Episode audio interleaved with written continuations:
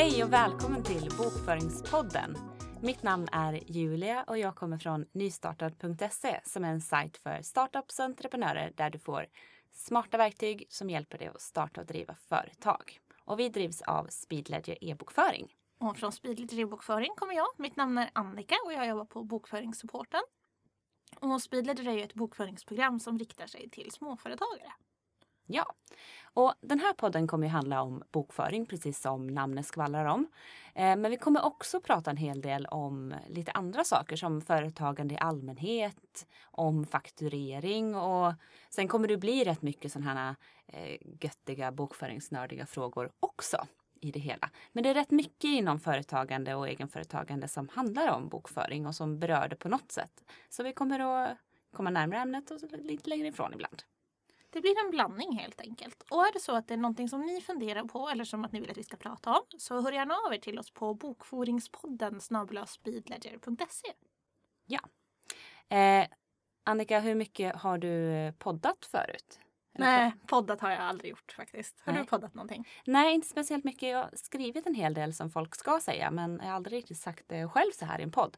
Men jag tänker det här kommer bli toppen. För bokföring, det kan ju du väldigt bra varje fall. Det kan du också. Och bokföring är kul. Så det här kommer bli ett strålande samarbete. Och ett, det är ett work in progress. Så ni får ha lite tålamod med oss. Ja. Eh, men Annika, du som jobbar med bokföring varenda eviga dag i supportteamet. Eh, vad är egentligen det här? Vad är det här bokföring egentligen? vad handlar det här om? Ja, nej, men om man kollar på hur Skatteverket beskriver bokföring så handlar det om att det ska finnas skriftliga bevis för alla händelser som påverkar ett företag och företagets affärer. Det betyder att man ska kunna följa vad som har hänt i företaget och det ska finnas underlag för det i form av exempelvis kvitton eller fakturor. Och pratar man då om bokföring så kommer man alltid in på debet och kredit.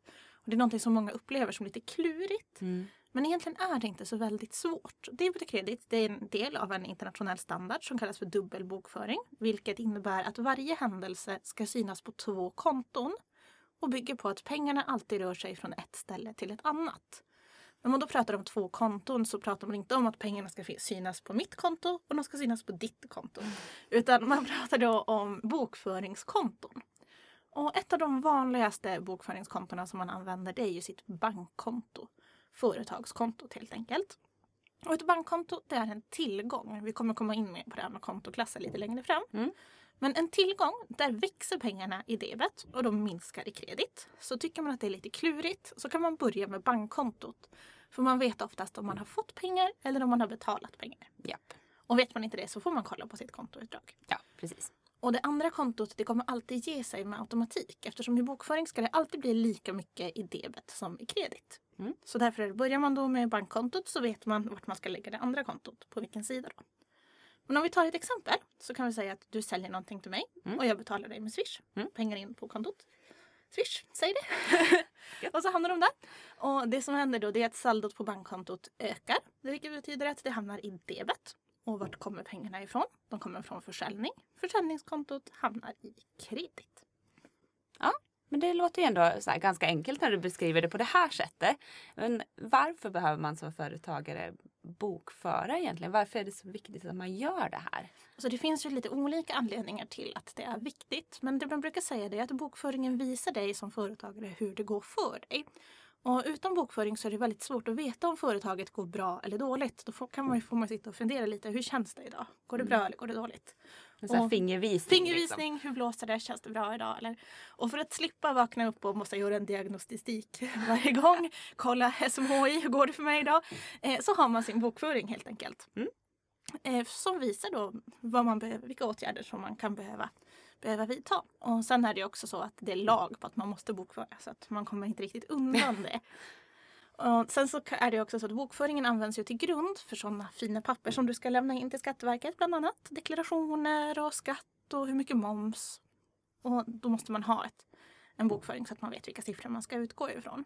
Och är det så att man har ett aktiebolag så ska man också göra en årsredovisning. Årsredovisningen bygger på din bokföring och är också en offentlig handling som vem som helst kan begära ut.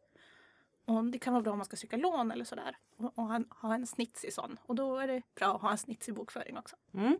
Snitsig bokföring vill vi ha. Men så egentligen så kan man ju säga att bokföring dels visar hur det går men också hur företaget mår. Ja. Så man har ju nytta av det som företagare själv. Man kan ha, använda det som beslutsunderlag och så vidare. Eh, men vad finns det för krav på hur man eh, sköter sin bokföring? För att göra det här lite hey wild som jag vill eller är det bara... Man får bara bokföra på tisdagar. Okej. Nej, naturligtvis inte. Nej, men det man ska säga det är att bokföringen den ska ske i rimlig tid. Det är alltså bra om man bokför kontinuerligt, inte bara på tisdagar, varannan söndag eller en gång per år som kanske är det absolut vanligaste. Ja, den har man ju testat någon gång. Det, det händer ju, men det är så att man ska försöka göra det i rimlig tid. Mm. Och särskilt viktigt är det om man har dagskassor, att man hanterar kortbetalningar eller kontantbetalningar. Då ska bokföringen göras senast dagen efter den här försäljningen har ägt rum. Okej. Och en annan sak som är viktigt att se till det är att man sparar alla sina papper och annat material som man har använt i bokföringen. Kontoutdrag eller fakturor och sådana saker. För de ska vara läsbara och det ska vara en ordning bland papperna. Och man ska dessutom spara de här i sju år. Så det är bra att man lägger dem någonstans. Inte jag lägger dem här så att jag minns vart jag har dem. Utan på ett bra ställe där de, där de finns och det är liksom alltid okej. Men man får spara digitalt också? Ja, man får spara digitalt. Det... Åh, nu ska vi se om jag kommer ihåg de här reglerna. Det tror jag. Mm. Eh, men man ska spara det i den formen som man har fått det. Och så ska man, man ska lagra det i minst sju år. Men har du fått någonting digitalt då kan, då kan du spara det digitalt. Så spara det i den originalformen som du har fått det.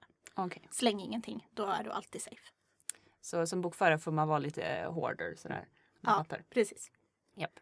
Eh, får alla sköta sin bokföring själv eller måste man ha en, en, liksom en revisor med en sån liten fin mössa på sig som, som gör det här åt en? Mössa. Ja, nej, men man får sköta sin bokföring själv. Det är inga konstigheter. Eh, sen så kan det vara så att man kan behöva ta hjälp av någon vid, vid deklaration och vissa aktiebolag som omsätter väldigt mycket måste ha en revisor som kollar det. Men är det så att man har en, någon i bostadsrättsföreningen eller någon, någon snäll granne som man kan ta hjälp av så är det också helt okej. Men man får göra det själv med. Åh, en bokföringsgranne, det hade man väl haft? Ja, precis som bjuder på bullar också hade Ja. det varit någonting. Ja, precis. Det hade varit riktigt nice. Men det låter ju ändå helt eh, som att man, man kan sköta det mesta själv och sådär. Men är det så himla roligt att göra det här själv? Varför skulle jag vilja göra det? Nu är jag ju lite skadad i och med att jag jobbar med det här så att jag måste Ja. tycka att det är roligt. Men det är faktiskt mycket roligare än vad man tror. Eh, och just det att man får en så bra insyn i hur det går gör ju att man faktiskt får en vinst utav att göra det här också. Sen ska man inte sticka under stol med att man sparar en hel del pengar på att göra så mycket som möjligt själv. Mm. Och sen så kan du också få en möjlighet att identifiera saker som du kanske inte skulle ha upptäckt annars. Att, ja men hur går det för mig? Behöver jag höja priserna? Finns det kunder som inte betalar? Tjänar jag saker på de här varorna? Det finns må- många vinster som man, man kan få utav att få lite mer insyn i, i vad man gör. Och sen är det också så att man är alltid personligt ansvarig för sin bokföring även om man lämnar bort den till grannen. Okej, så. Så- jag kan aldrig få bokföringsgrannen att vara ansvarig för min Nej, bokföring? Du har alltid ansvaret själv och då är det ju lite enklare att ta ansvar om man faktiskt har kikat på det i alla fall. Mm, men så är det ju verkligen.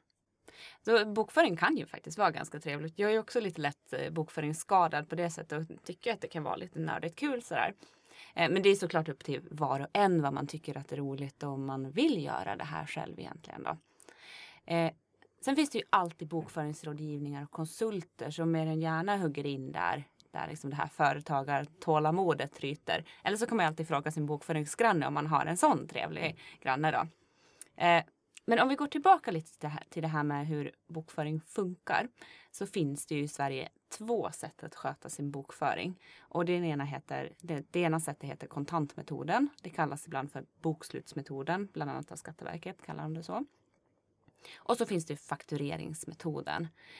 Men nu kommer vi till det absolut mest spännande med de här metoderna. De har ingenting med kontanter och fakturor att göra. Eller hur? Nej, de har ju inte det. Och det här är nog en av de vanligaste missuppfattningarna när det gäller just bokföring. Att man tror att ja, men jag ska inte ha några kontanter, jag ska bara ha fakturor och då ska jag ha faktureringsmetoden. Men det funkar inte riktigt så. Utan det här är två olika metoder kring hur man bokför. Har man då kontantmetoden, då ska man bokföra sina händelser en gång. När man har fått betalt. Eller när man har betalat någonting.